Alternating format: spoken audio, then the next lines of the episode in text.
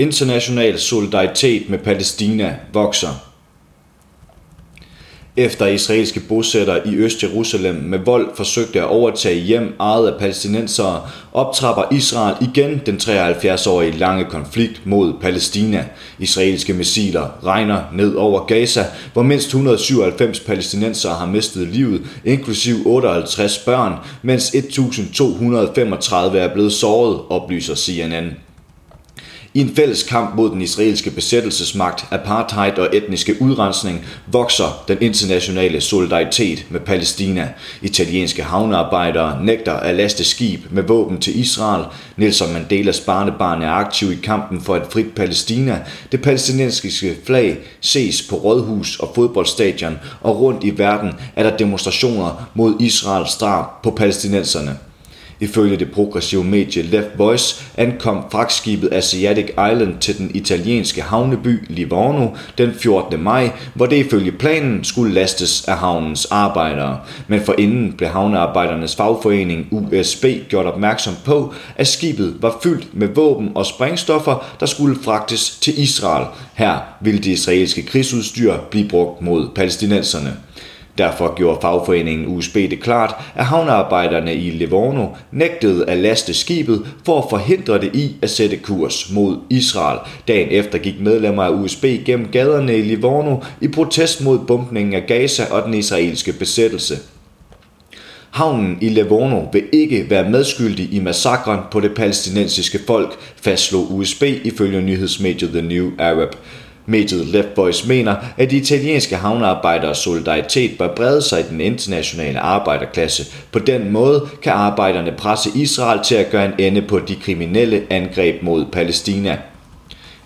Lille Mandela, barnebarn af Nelson Mandela, er ligesom sin morfar aktiv i kampen mod apartheid i Israel. I en video på Twitter ses Lille, som fejlagtigt bliver fremstillet som søn af Nelson Mandela, tage del i en sydafrikansk demonstration for at befri Palæstina. Svali Valil fortæller, at han som borger i Sydafrika, der tidligere var underlagt apartheid, føler smerte ved at se børn i Palæstina blive skudt i ryggen og sat i fængsel. Han forklarer, at det gør ondt at se, fordi Sydafrika selv har været vidne til sådanne brutaliteter i historien. Vi vil ikke hvile, før vi i vores tid ser et frit Palæstina, og vi vil tale ud mod den censurerede brutalitet mod kvinder og børn i Palæstina, siger Svali Valil, før han citerer sin morfar Nelson Mandela. Vores frihed er ufuldstændig, indtil palæstinenserne er frie. Også i det sydøstlige Europa er der blevet udvist solidaritet med Palæstina. Den 10. maj fik rådhuset i Bosnien og Herzegovinas hovedstad Sarajevo således nye farver, da det palæstinensiske flag blev projekteret op på bygningen. I aftes blev rådhuset oplyst med det palæstinensiske flag i solidaritet med alle uskyldige ofre og deres familier, tweeter Benjamin Karik, borgmester i Sarajevo.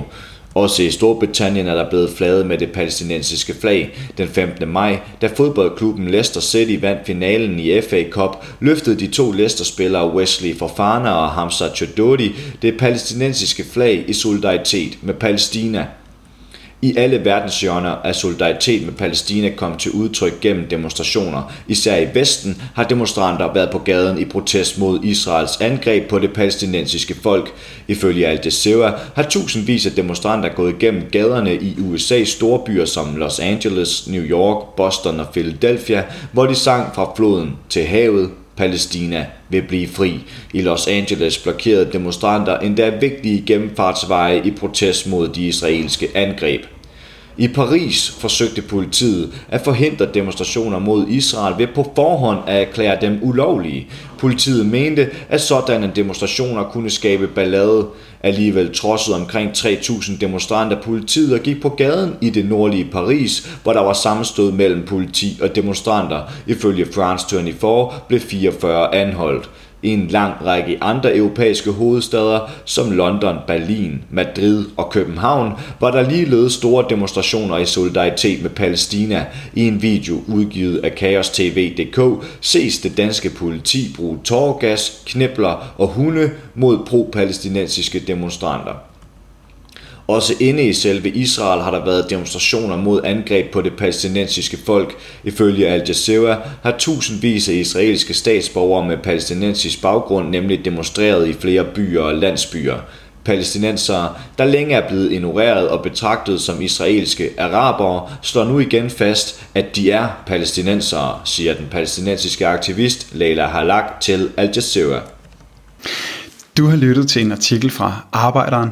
Abonner på vores podcast på iTunes, eller hvor du ellers hører din podcast.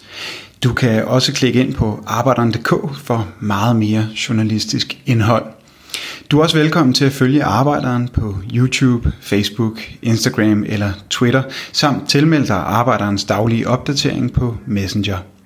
Vil du i kontakt med redaktionen, kan det ske ved at sende en mail til redaktion arbejderen.dk Tak fordi du lyttede med.